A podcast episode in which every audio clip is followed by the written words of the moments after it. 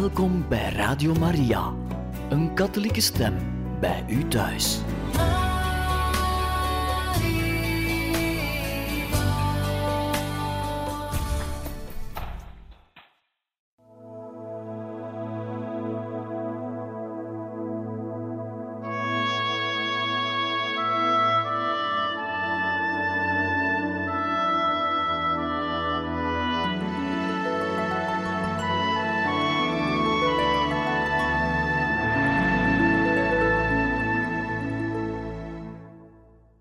Beste luisteraars van Radio Maria, hartelijk welkom in dit programma Heilige Getuigen, waar wij verder gaan met de lezing uit het boek Een leven met Karel, geschreven door Stanislav Dziwisz. We waren gekomen bij hoofdstuk 20, maar wie heeft de hand bewapend? We hopen dat deze lezing u veel deugd zal doen. Waarom bent u niet dood? vroeg Mehmet Ali Achka. Johannes Paulus II had deze vraag niet verwacht. De paus had besloten de man in de ogen te kijken, die getracht had hem te doden. Hij wilde Agga ook persoonlijk meedelen dat hij hem had vergeven. Aan deze daad van christelijke naastenliefde wilde hij een bijzondere dimensie toevoegen, op een manier die de ander ook kon begrijpen. Vandaag zei hem meteen aan het begin, ontmoeten we elkaar als mensen, als broeders. Maar op die 27 december 1983, in een kale cel in de gevangenis van Rebibia, gezeten naast Ali Agka, het hoofd naar hem toegeneigd om hem beter te kunnen verstaan, hoorde de paus met verbazing hoe hem de vraag werd gesteld Waarom bent u niet dood? Wellicht had Karel Wojtyła ook gehoopt door deze ontmoeting beter te kunnen begrijpen waarom de man die daar voor hem zat getracht had hem te vermoorden. Maar in plaats daarvan kwam er de vraag: Ik weet dat mijn schot goed op het doel gericht was. Ik weet dat het een vernietigend en dodelijk schot was. Waarom bent u dan niet dood? Ik stond op enige meters afstand en ik heb het gesprek dan ook niet direct meegekregen. Maar mijn indruk was, of ik kan beter zeggen, mijn interpretatie van de feiten was dat Ali Akka beangstigd werd door het gegeven dat er krachten waren die hem te boven gingen. Het schot was goed op het doel gericht, maar het slachtoffer was in leven. En daarom was hij bang geworden door het bestaan van dergelijke krachten. Ook al omdat hij ontdekt had dat er niet alleen een Fatima, dochter van Mohammed, bestond, maar ook iemand die hij de godin van Fatima noemde. Hij was bang, zoals hij zelf heeft bekend, dat deze godin, die zo machtig was, wraak op hem zou nemen en hem buiten gevecht zou stellen. Het hele gesprek draaide enkel om dit thema.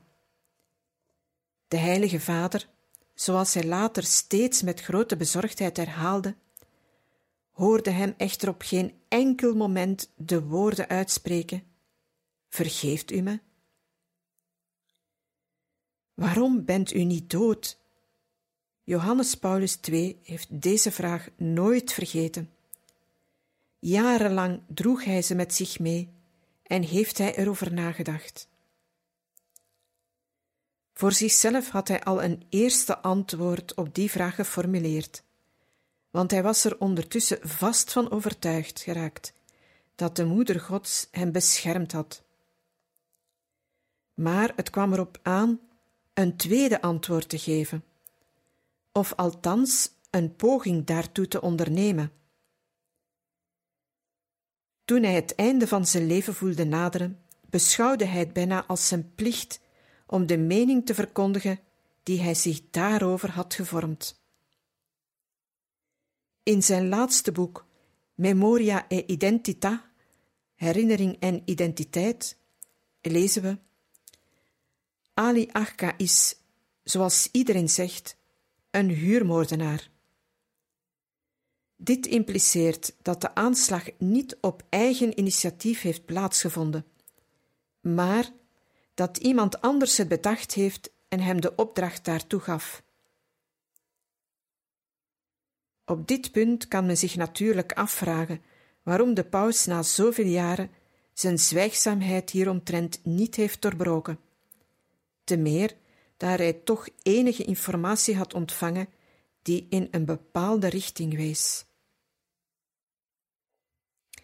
Dit is absoluut niet waar. De paus bekeek in tegendeel alles vanuit het licht van het geloof. Hij zei dat ook deze beproeving voor hem een genade was. Wat betreft de informatie die hij ontvangen had. Er is veel gesproken over informatie die ontvangen zou zijn van internationale geheime diensten.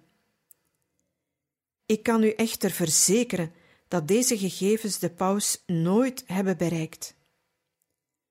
Wat betreft de zogenoemde Franse waarschuwing, hebben de kardinalen Cassaroli, de staatssecretaris, Silvestrini, de toenmalige prefect van de Raad voor Publieke Aangelegenheden, en Martinez Somalo, toen substituut, al verklaard dat ze nooit iets hebben ontvangen of gezien.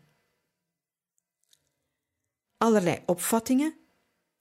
Jazeker, voorafgaand aan elke reis ontvingen we allerlei berichten waar we echter geen belang aan konden hechten. Niemand geloofde er echt in. Bovendien, zo vroegen we ons af, wie zou erover denken om een aanslag te plegen op de paus? Een geestelijke die vrede verkondigde voor de hele wereld. De Heilige Vader heeft zijn conclusies niet getrokken op basis van nauwkeurige, specifieke informatie, maar door deductie. Het lijkt immers objectief onmogelijk dat Ali Akka als eenling gehandeld heeft, dat hij alles alleen gedaan heeft. Er moet daarom een complot geweest zijn. Achter de organisatie van dit complot los van de diverse sporen die gevolgd kunnen worden, lijkt direct of indirect de KGB te staan. Ali Akka was een huurmoordenaar. Hij had zijn opdracht ontvangen van iemand die oordeelde dat de paus gevaarlijk was, een storende factor. Iemand die angst had van Johannes Paulus II. De opdrachtgever moet ontzet geweest zijn zeer ontzet bij de melding dat er een Poolse paus was gekozen. En dus, waarom zouden onze gedachten dan niet uitgaan naar de communistische wereld? Wanneer we trachten het spoor te traceren tot de opdrachtgever, waarom zouden we dan niet uitkomen, althans als hypothese, bij de KGB? Het is een onomstotelijk feit dat de pauskeuze van Karel Wojtyła een groot onbehagen heeft teweeggebracht in de verschillende hoofdsteden van Oost-Europa. Drie weken later was er al een eerste rapport klaar met een analyse door de Sovjets over de mogelijke gevolgen voor de communistische landen. Een jaar later werd in een uiterst geheim document, opgesteld door Soeslof, de ideoloog van de Communistische Partij van de Sovjet-Unie en goedgekeurd door alle leden van het secretariaat van het Centraal Comité, Gorbachev inkluis, een reeks van concrete maatregelen voorgesteld om de Poolse paus en zijn zending in de wereld tegen te gaan. Vervolgens was er de eerste reis van de paus naar Polen, die Brezhnev zelfs tot het laatste moment toe trachtte te verhinderen. Een jaar later ontstond Solidarność, de eerste grote revolutie van arbeiders in het Sovjet-imperium. Niet alleen bracht Solidarność al in 1981, louter door het feit dat deze vakbond bestond, een reeks zware nederlagen toe aan de marxistische ideologie, maar ook was zij in haar meest radicale afdelingen sterk tegen de Sovjets gekant. Er was dus voldoende reden waarom de angst van de communistische leiders toenam. Op basis daarvan kan men zich voorstellen dat op het niveau van de geheime diensten of minstens van fanatieke splintergroeperingen van deze diensten het besluit genomen was dat de Poolse paus geëlimineerd moest worden. De praktische uitvoering liet men echter aan anderen over.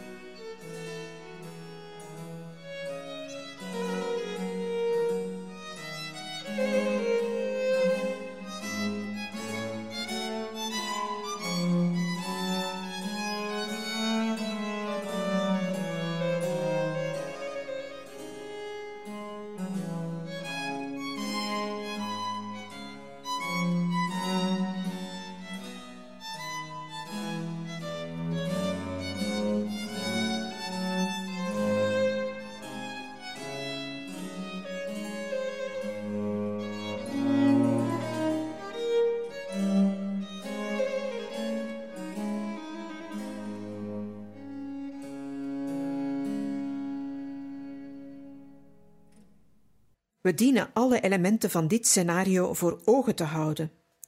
De keuze van een paus die door het Kremlin werd gehaat, zijn eerste terugkeer naar zijn vaderland, de explosie die Solidarność betekende. Bovendien verloor de Poolse kerk juist op dat moment haar grote primaat, kardinaal Wyszynski, die stervende was. Wijst dat alles dan niet op de KGB, wijzen de wegen, hoe verschillend ze ook mogen zijn, niet allemaal in de richting van de KGB? Feitelijk geloofde men niet in het Bulgaarse spoor, noch in verscheidene andere reconstructies. Zo was er bijvoorbeeld de verdwijning van Emanuela Orlandi. De pers, samen met enkele mythomanen, trachtte de hypothese geloofwaardig te maken van een samenhang met de aanslag, met het Vaticaan en met de paus. Maar er bestaat geen enkele objectieve samenhang, direct noch indirect. In werkelijkheid was er enkel de angstige bezorgdheid van de Heilige Vader om het lot van dat arme meisje en zijn christelijke betrokkenheid bij de familie die zozeer in leed was ondergedompeld. Wat zou er gebeurd zijn als op 13 mei die beide schoten uit een Browning kaliber 9 mm doel getroffen hadden? Ik heb het me ook al afgevraagd. Wat zou er gebeurd zijn indien de hand van de Madonna de kogel niet geleid had? Hoe zou de toekomst van de wereld er dan hebben uitgezien? In elk geval zou de revolutie van Solidarność weinig overlevingskansen gehad hebben, zonder de hulp van de Poolse paus. Waarschijnlijk zou de geschiedenis van Centraal- en Oost-Europa er ook anders hebben uitgezien. Het was echter het lot de voorzienigheid, zullen gelovigen zeggen, dat de feiten gelopen zijn zoals ze zijn. En Ali Akka moest vragen aan de man op wie hij geschoten had, met de bedoeling hem te doden: Waarom bent u niet dood? Hij heeft echter niet om vergeving gevraagd. Johannes Paulus II heeft het hem ook in een brief geschreven. Dierbare broeder, hoe zouden we voor het aanschijn van God kunnen treden, wanneer we elkaar hier op aarde niet wederzijds vergeving schenken? Deze brief werd echter nooit verzonden. Ali Akka zou hem waarschijnlijk misbruikt hebben. Bovendien gaf de Heilige Vader er de voorkeur aan om hem te gaan opzoeken, om die daad van verzoening persoonlijk te kunnen voltrekken en om zijn aanvaller de hand te reiken, die bewuste hand. Maar Akka daarentegen niets. Hij was enkel geïnteresseerd in de openbaringen van Fatima. Hij wilde enkel begrijpen wie hem verhinderd had om zijn doelwit te doden. Vergeving vragen echter, nee, daarin had hij geen interesse. Hij heeft het nooit gedaan, hij heeft nooit om vergeving gevraagd. Hoofdstuk 21 Een hele natie wordt in boeien geslagen. De wijzers van de klok hadden net het begin van de nieuwe dag aangegeven. Het was 13 december 1981, een zondag. In de straten van Warschau zag men op de belangrijkste kruispunten panzerwagens verschijnen. De uren gingen voorbij en in het westen kwamen fragmentarisch, vooral via enkele radiozenders, de eerste berichten binnen. Vanuit het Vaticaan probeerde iemand in contact te treden met Polen, maar niets. De lijnen bleven gesloten. Pas naderhand begrepen we de reden van dit volledige stilzwijgen. Reeds voor middernacht waren alle communicatiekanalen geblokkeerd. Tegelijkertijd waren de grenzen gesloten. Zo vernamen we pas via de televisie en de radio en daarna ochtends uitgebreider tijdens de officiële berichtgeving van zes uur dat in Polen de staat van beleg was afgekondigd. Dat was werkelijk een shock. Ja, zeker, al daarvoor verkeerden we in angst. In de laatste dagen voorafgaand aan 13 december groeide de bezorgdheid vanwege het gevaar van een invasie. Er was ook een telefoontje in die richting van Brzezinski gekomen. Bovendien was men op de hoogte van de manoeuvres van de strijdkrachten van het Warschau-pact, die reeds in Polen waren en zich in de richting van de hoofdstad bewogen. Maar niemand had gedacht aan een dergelijke afloop. Ook de Heilige Vader was verbaasd toen hij op de hoogte werd gesteld, bevreesd en verbaasd. Op dat moment waren al duizenden arbeiders en intellectuelen gedeporteerd naar interneringskampen. Lech Valenza, de voorman van Solidarność, werd vastgehouden op een onbekende locatie. Met de staat van beleg werden de activiteiten van de vakbonden aan banden gelegd. Het stakingsrecht werd opgeheven, maar erger nog, een heel volk werd het recht op vrijheid ontnomen. Dit was een zware vernedering voor Polen. Na alles wat het land door de geschiedenis heen had moeten doorstaan, verdiende het Poolse volk deze nieuwe marteling niet. Het verdiende het niet om op deze wijze gecriminaliseerd te worden. Wat er gebeurde, was in zekere zin de onvermijdelijke slotfase van een crisis die zich van maand tot maand had toegespitst. Vruchteloos had de Poolse kerk, nu onder leiding van de nieuwe primaat, Monseigneur Jozef Glemp, geprobeerd om te bemiddelen tussen de beide partijen. Aan de ene kant Solidarność, waarvan de meest radicale groeperingen met de dag agressiever en openlijk anti-USSR werden, en aan de andere kant het regime dat steeds meer door het leger werd beheerst, met name na de benoeming van de generaal Wojciech Jaruzelski tot secretaris van de Communistische Partij, en dat de toenemende druk vanuit Moskou moest ondergaan. Adam Michnik, een van de historische leiders van de linkse partijen, zei: De USSR heeft alles gedaan om haar betrokkenheid bij het afkondigen van de staat van beleg te camoufleren. De toestand zoals die zich ontwikkelde, bood daar de optimale gelegenheid voor. Het zijn de Polen zelf die hun problemen hebben opgelost. Inderdaad had Jaruzelski besloten de macht in eigen hand te nemen, de oplossing die hij beschouwde als het mindere kwaad. Het was echter het mindere kwaad van generaal Jaruzelski, volgens de verklaringen waarmee hij zich naderhand trachtte te rechtvaardigen. De hele wereld daarentegen veroordeelde deze beslissing.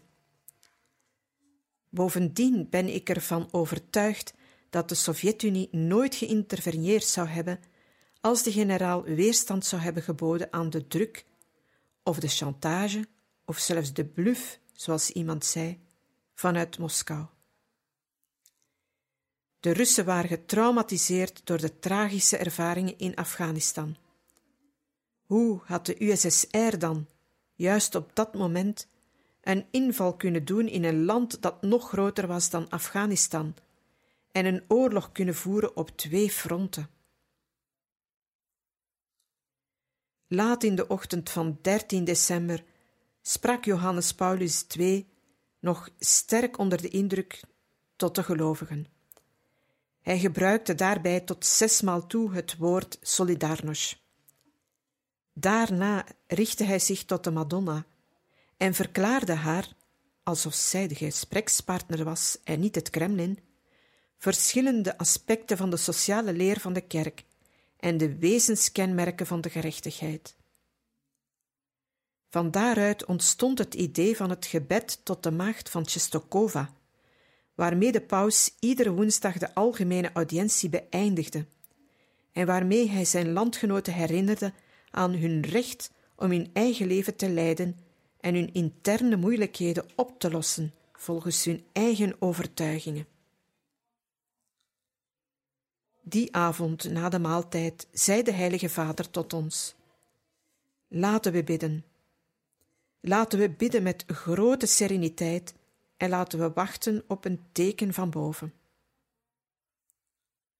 Hij slaagde erin deze dramatische ogenblikken te doorstaan door zich volledig toe te vertrouwen aan God en aan de voorzienigheid.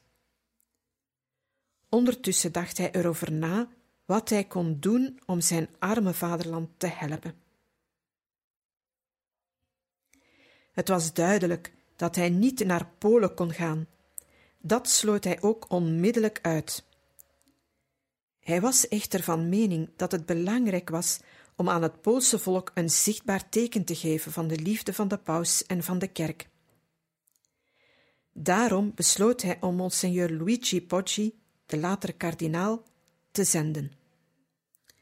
Poggi was toen apostolisch nuntius met bijzondere bevoegdheden en hij hield zich voornamelijk met Oost-Europa bezig. Op 17 december kwam een tragisch bericht. In de mijnen van Wujek, niet ver van Katowice, hadden de mijnwerkers een staking en bezetting uitgeroepen. De Zomo smotorizovane odvodi milici obywatelskie, gemotoriseerde reserve-eenheden van de burgermilitie, hadden ingegrepen. Mensen met een gewelddadigheid die grenst aan vreedheid. Het was tot zware confrontaties gekomen, met negen doden bij de arbeiders en vier bij de politieagenten. Daarna waren artsen en verpleegkundigen van de ziekenwagens aangevallen. Onmiddellijk schreef de paus met de dood in het hart een brief aan generaal Jaruzelski.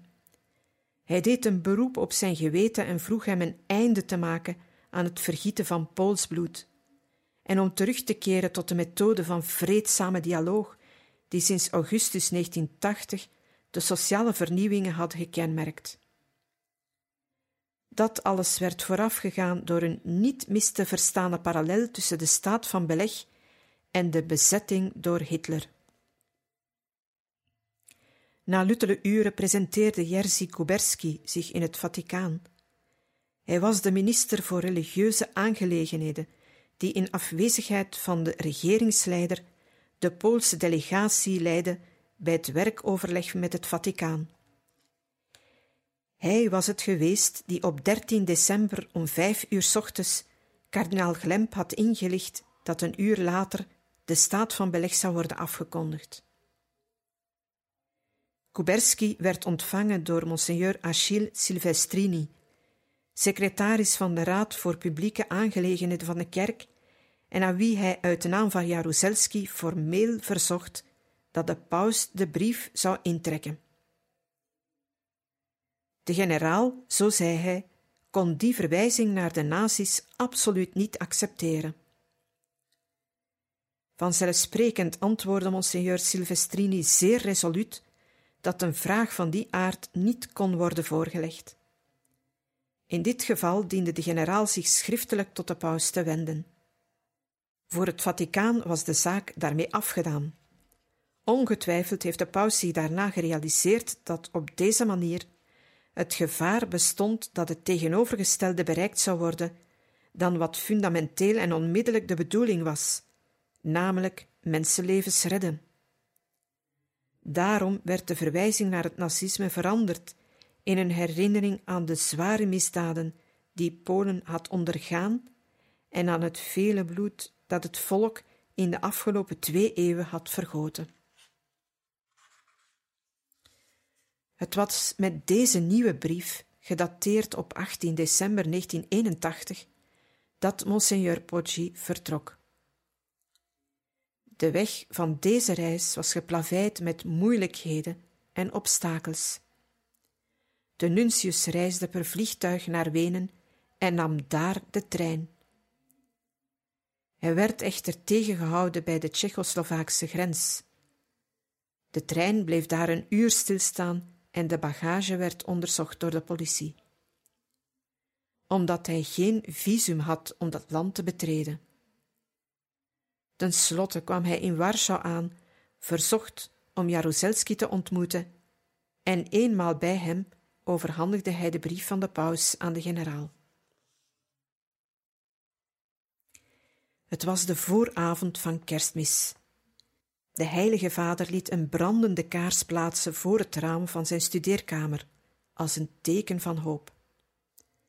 S'avonds ervaarde hij wat warmte van zijn landgenoten toen hij zijn kerstwensen uitsprak en met een kleine groep Polen, die in Rome of in Italië verbleven, het traditionele gebruik vierde van de opwatek, gezuurd brood dat gebroken en gedeeld wordt. Voor Johannes Paulus II gingen deze kerstmis en deze jaarwisseling gepaard met een onuitsprekelijke droefheid. Een van de zaken die hem het meest bedrukte, was dat hij geen berichten ontving en dat hij niet kon communiceren. Hij had van tijd tot tijd contact met vertegenwoordigers van de oppositie die buiten Polen verbleven, zoals Bogdan Tsivinsky, een van de eerste raadgevers van Solidarność. En natuurlijk ook op indirecte wijze via andere personen, met degene die in de gevangenis verbleven, zoals Mitchnik, aan wie hij een Bijbel zond, en Valesa zelf.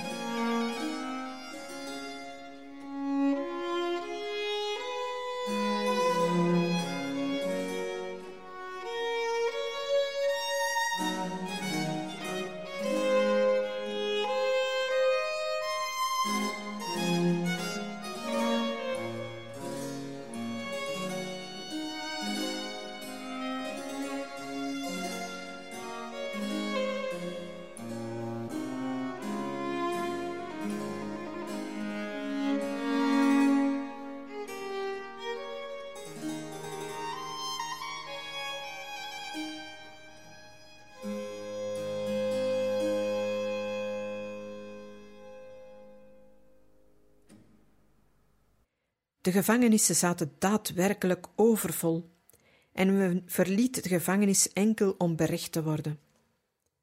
De staat van beleg werd voortgezet, waarbij schijnbare concessies werden afgewisseld met aangescherpte inperkingen. Het was duidelijk dat Moskou hierachter zat, omdat men niet de minste opening tolereerde. De paus kon in augustus 1982 niet voor de Maria-vieringen naar Czestochowa reizen.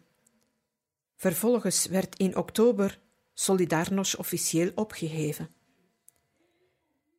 Het was daarom nodig om wegen en instrumenten te vinden om het overleven van deze vakbond, of tenminste van haar idealen en haar revolutionaire toekomstvisie, te garanderen. Op dit moment begreep de vrije wereld eindelijk het belang van wat er op het spel stond. Allen kwamen in beweging, ongeacht ideologische verschillen, zonder polemiek of rivaliteiten.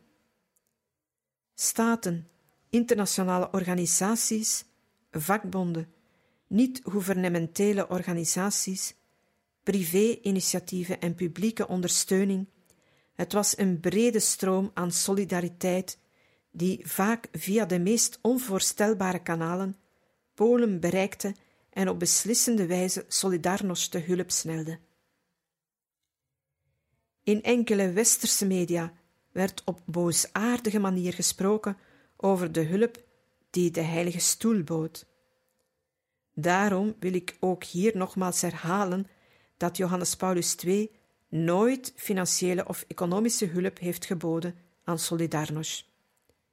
Zijn bijdrage vormde integendeel een aanzienlijke morele ondersteuning, maar wel louter moreel.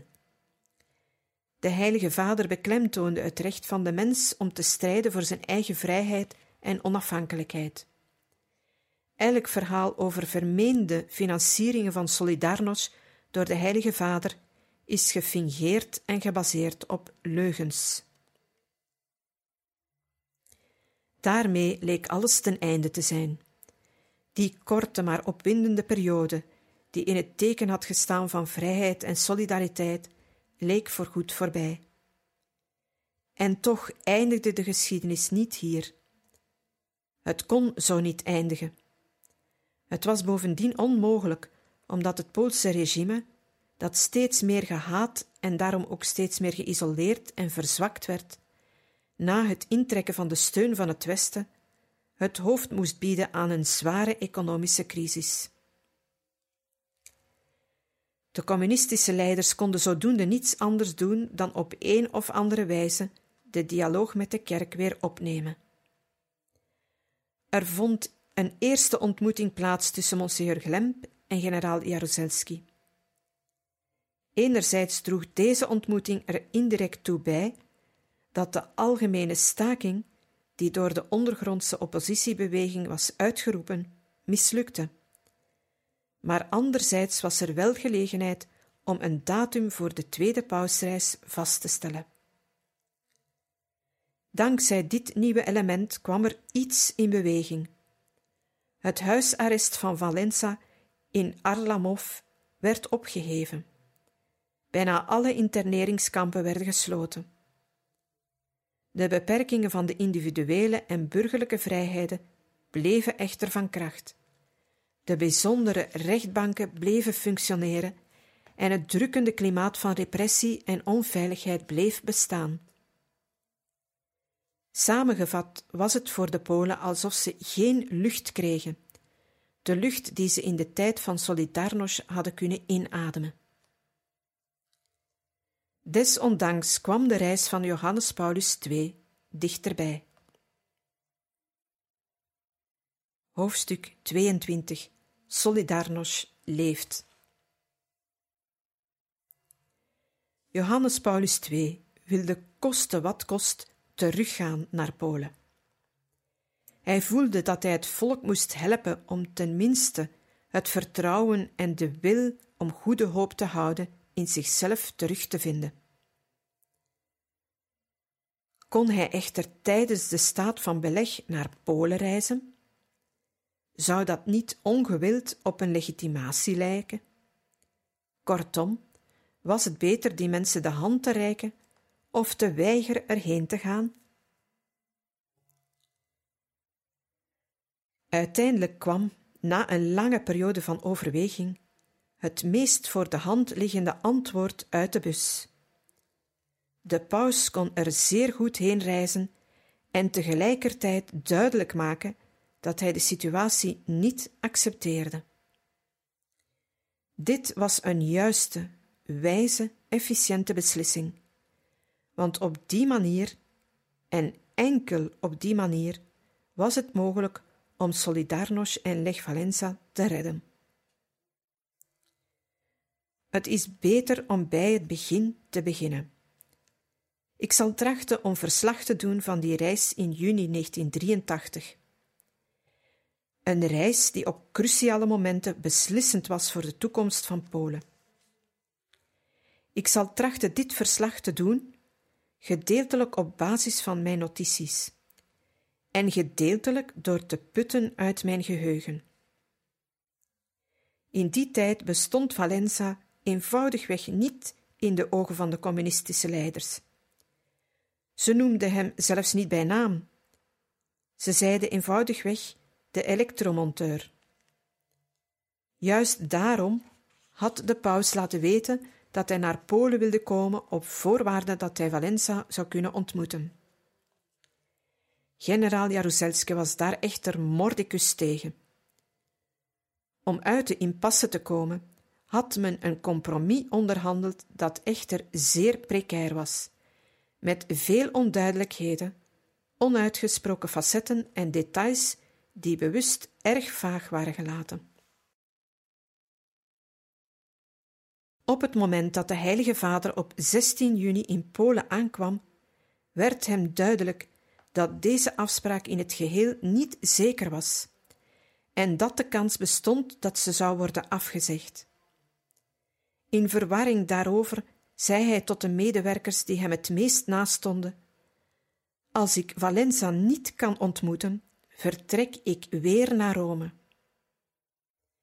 Iemand uit zijn gevolg reageerde daarop met enige verbijstering, waarop de paus toegaf: Tegenover de mensen moet ik echter consequent zijn.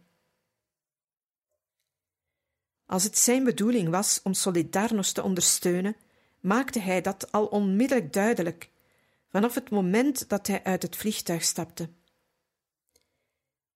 Hij kuste de Poolse grond, hoewel hij dat al bij zijn eerste bezoek had gedaan, en verklaarde dat het was alsof hij zijn eigen moeder kuste. Een moeder die opnieuw zoveel doorstaan had. Hij voegde eraan toe dat hij gekomen was voor iedereen, ook voor hen die in de gevangenis verbleven. Daarna bracht hij dank aan de voorzienigheid in de kathedraal bij het graf van kardinaal Wyszynski, omdat de tragische gebeurtenissen van 13 december 1981 hem bespaard gebleven waren. De dag daarna werd deze zin uit de kranten gecensureerd. Daarna kwam de ontmoeting met generaal Jaruzelski. In de publieke toespraak vroeg de paus expliciet om naleving van de akkoorden van augustus 1980, die door de vakbonden en de regering waren ondertekend. In het privégesprek met de generaal zei hij, samengevat, dat hij de beslissing om de staat van beleg in te voeren nog kon begrijpen, maar dat hij daarentegen niets begreep van de opheffing van Solidarność, de vakbond die uitdrukking gaf aan de Poolse ziel. Op de terugweg hield Johannes Paulus II een tussenstop bij de kerk van de Kapucijnen, waar het hart bewaard wordt van Jan Sobieski, een grootvorst. Daar kon hij een gesprek voeren met verschillende leden van de oppositie, voornamelijk intellectuelen en kunstenaars. En ook met de moeder van een jongeman die door de politie was vermoord. Daarna kwam Czestochowa aan de beurt en meteen steeg de spanning. De politie was in staat van paraatheid gebracht uit bezorgdheid wegens de talrijke deelname van jongeren. Ondanks de enthousiaste ontvangst ondanks de klaarblijkelijke bedoeling van de jongeren om de ontmoeting te veranderen in één grote manifestatie tegen het regime, smoorde de Heilige Vader echter iedere vorm van protest in de kiem. Anderzijds was zijn oproep: Wees waakzaam, zeker niet louter retorisch bedoeld. Beste luisteraars, we beëindigen hier voor vandaag deze lezing uit het boek Een leven met Karel en gaan volgende keer verder met het hoofdstuk 22 Solidarność leeft. We hopen dat deze lezing u veel deugd gedaan heeft en u genade heeft geschonken. Wensen u nog een gezegende avond toe en tot een volgende maal.